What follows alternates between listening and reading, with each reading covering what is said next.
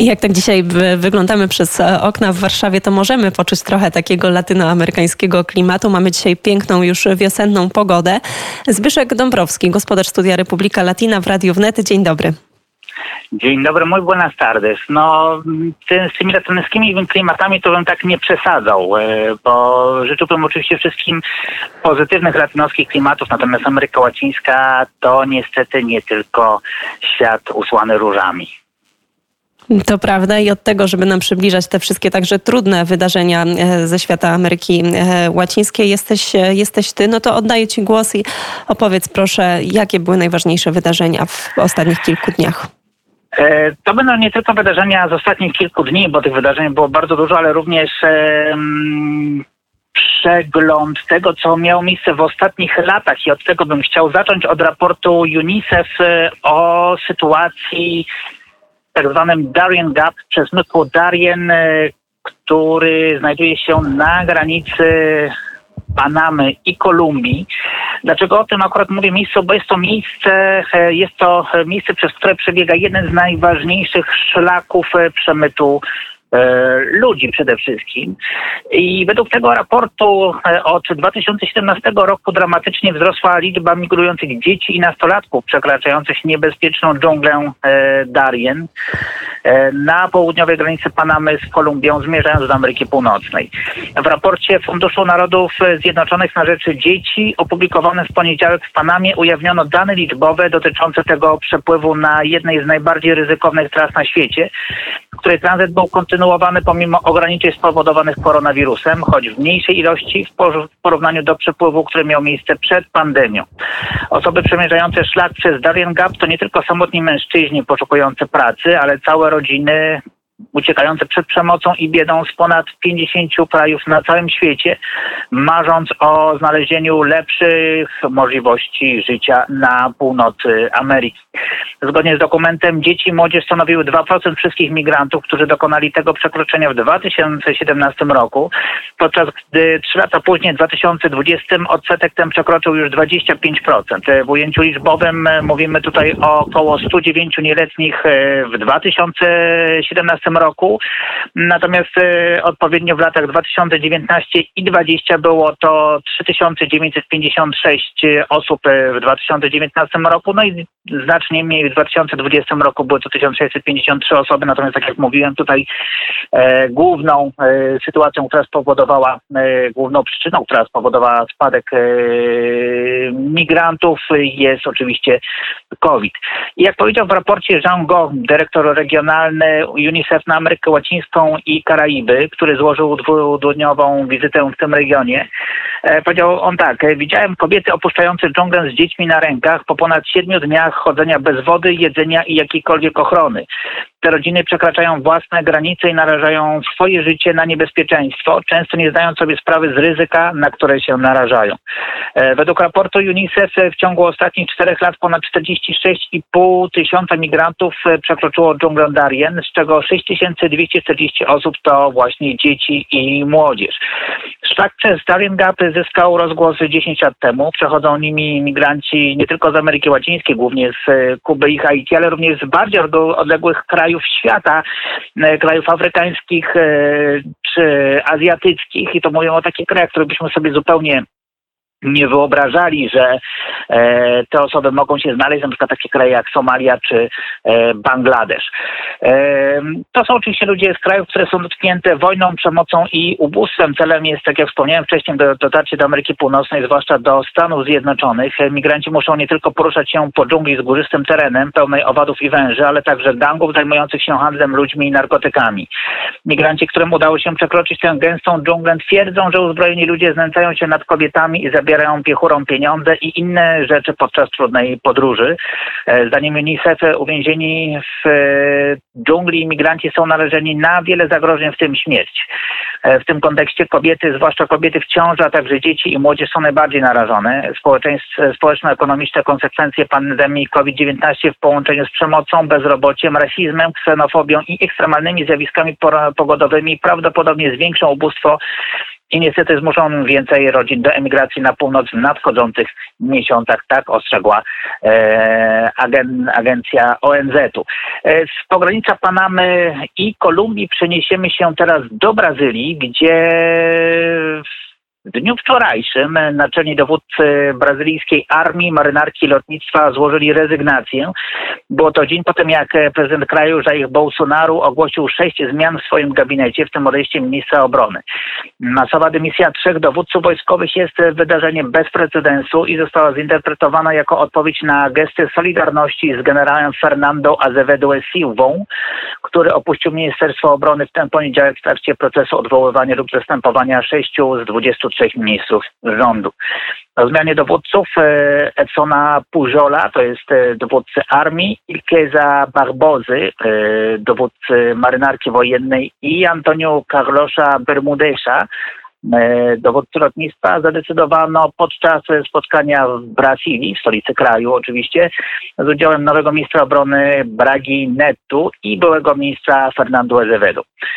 E, minister e, Azevedo Silva nie wyjaśnił, czy jego dymisja była wynikiem osobistej rezygnacji, czy też e, decyzją Bolsonaru, przypomnę, który jest kapitanem rezerwy armii brazylijskiej, który bardzo w swoich rządach polegał na wojsku, no i którego w ostatnich miesiącach, którego kontrowersyjne decyzje odnośnie walki z pandemią spowodowały spory rozdźwięk właśnie w stosunkach z armią, która no po prostu nie zgadza się na, która no domaga się może powiedzmy tak zdecydowanie e, bardziej zdecydowanych kroków e, w walce z koronawirusem. E, w ostatni poniedziałek pod silną presją ze strony bardziej umiarkowanej części politycznej swoich zwolenników Bolsonaro zapowiedział zmiany w sześciu resortach, w tym oprócz obrony w innych resortach strategicznych, takich jak stosunki zagraniczne i sprawiedliwość. Z Brazylii przenieśmy się na północ do naszej ukochanej Wenezueli. E, lider opozycji wenezuelskiej Leopoldo López obwinił e, Nicolasa Maduro o załamanie się systemu opieki zdrowotnej w Wenezueli oraz braki w dostawach leku i zaopatrzenia.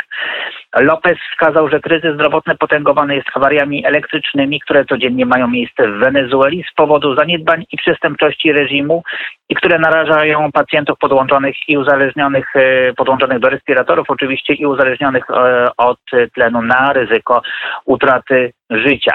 Współ, współzałożyciel i wiceprezes partii Woli, Woli Ludu, czyli partii do Voluntat Popular, argumentował, że narkotykowa dyktatura zmieniła koronawirusa w swoją ludzką tarczę, swoje narzędzie, wymówkę potrzebną do przedłużenia uzurpacji, zwiększenia kontroli społecznej i represji. Jak powiedział polityk obecnie w Wenezueli, walka toczy się przeciwko dwóm wirusom, przeciwko morderczej dyktaturze i pandemii. E, obecnie na emigracji Lopez e, przypomnę, przebywa on na emigracji w Hiszpanii, e, stwierdził, że pojawienie się szczepionek w Wenezueli to tak naprawdę sprawa życia i śmierci obywateli. Tymczasem reżim Nicolasa Maduro ogłosił w poniedziałek szczyt codziennych e, pozytywnych e, przypadków COVID-19 podczas drugiej fali pandemii, którą określił jako bardziej zjadliwą. Według oficjalnych danych w Wenezueli zarejestrowano prawie 160 tysięcy przypadków e, zachorowań na koronawirus. Oczywiście mówimy tutaj od początku pandemii. Zaś od początku tego tygodnia liczba chorych powiększa się codziennie o ponad tysiąc osób.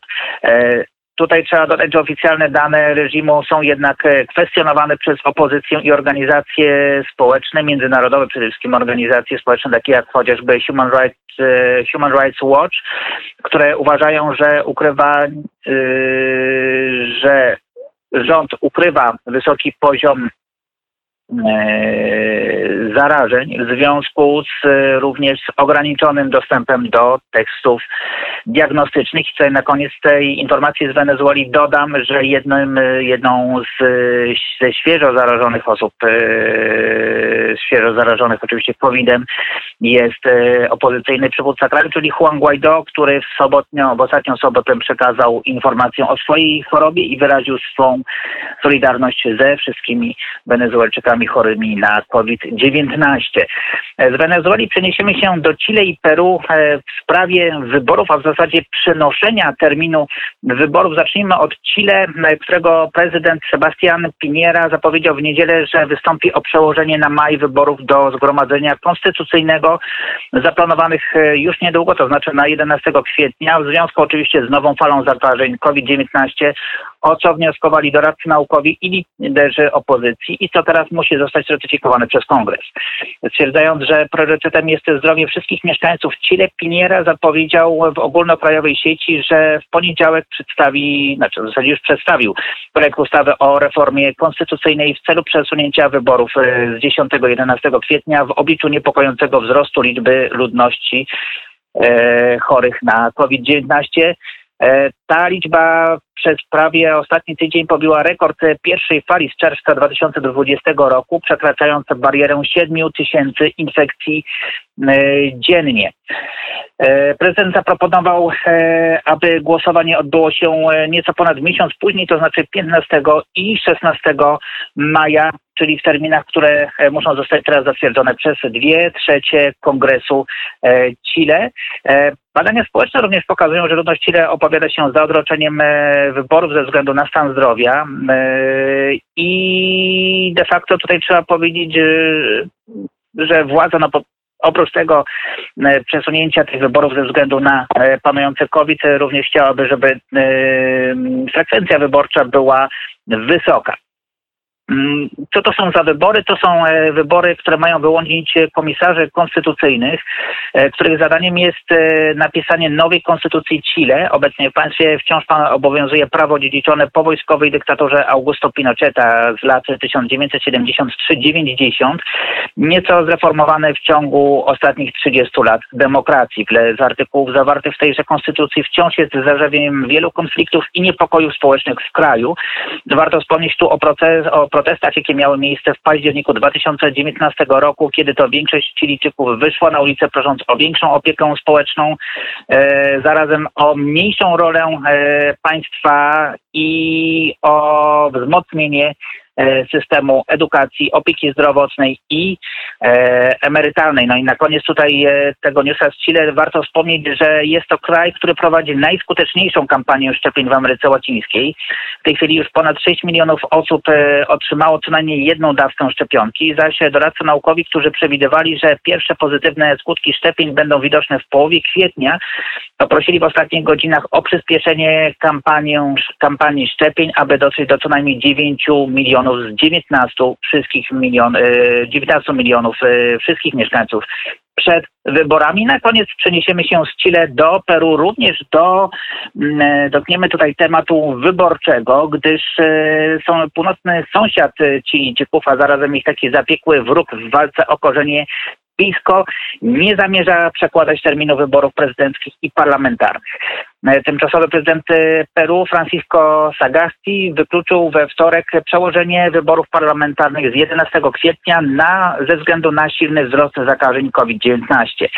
Zdaniem prezydenta sytuacja w Peru i Chile jest inna. Chile jest e, w znacznie bardziej skomplikowanej sytuacji. Po drugie w Chile wybory nie są wyborami prezydenckimi i parlamentarnymi jak w Peru, gdyż są to, tak jak wspomniałem wcześniej, wybory do zgromadzenia konstytucyjnego.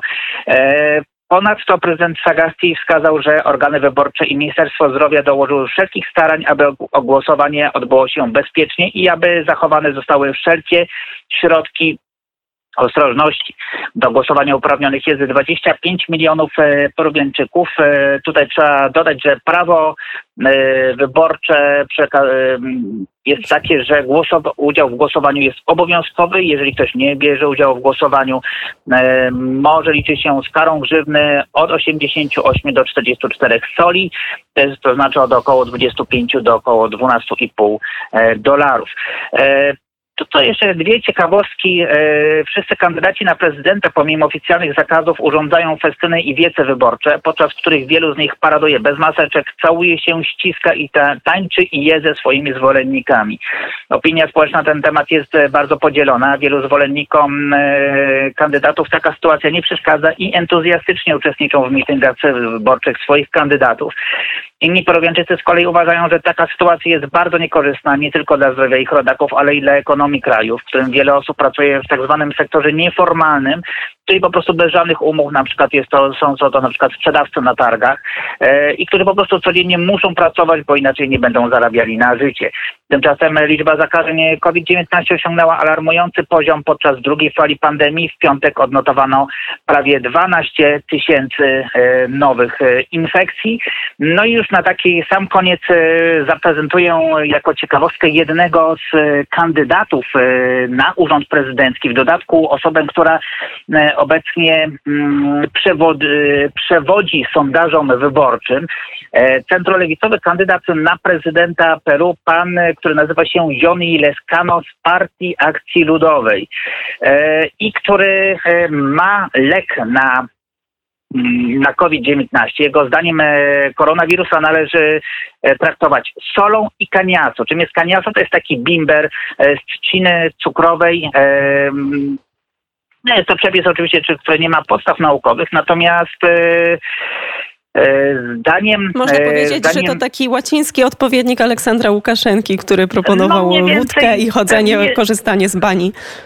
Pewnie tak. No tutaj, e, tutaj Leskano powiedział tak, wierzę w medycynę popularną, w medycynę naturalną. Ludzie leczą się od wieków liśćmi koki, solą oraz szeregiem ziół i roślin występujących w Amazonii. Oczywiście prawda.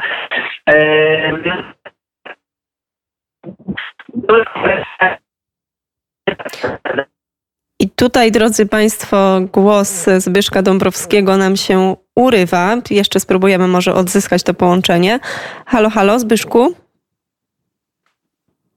I w tym momencie ten głos e, się urwał. Faktycznie, jak e, drodzy Państwo słyszeliśmy przed chwilą, te wieści z Ameryki Łacińskiej no nie są zbyt optymistyczne, bo podsumowując, przeszliśmy od kryzysu, wielkiego kryzysu migracyjnego przez kryzys gospodarczy, polityczny w niemal e, wszystkich tych państwach, które Zbyszek wymienił z Ameryki Łacińskiej.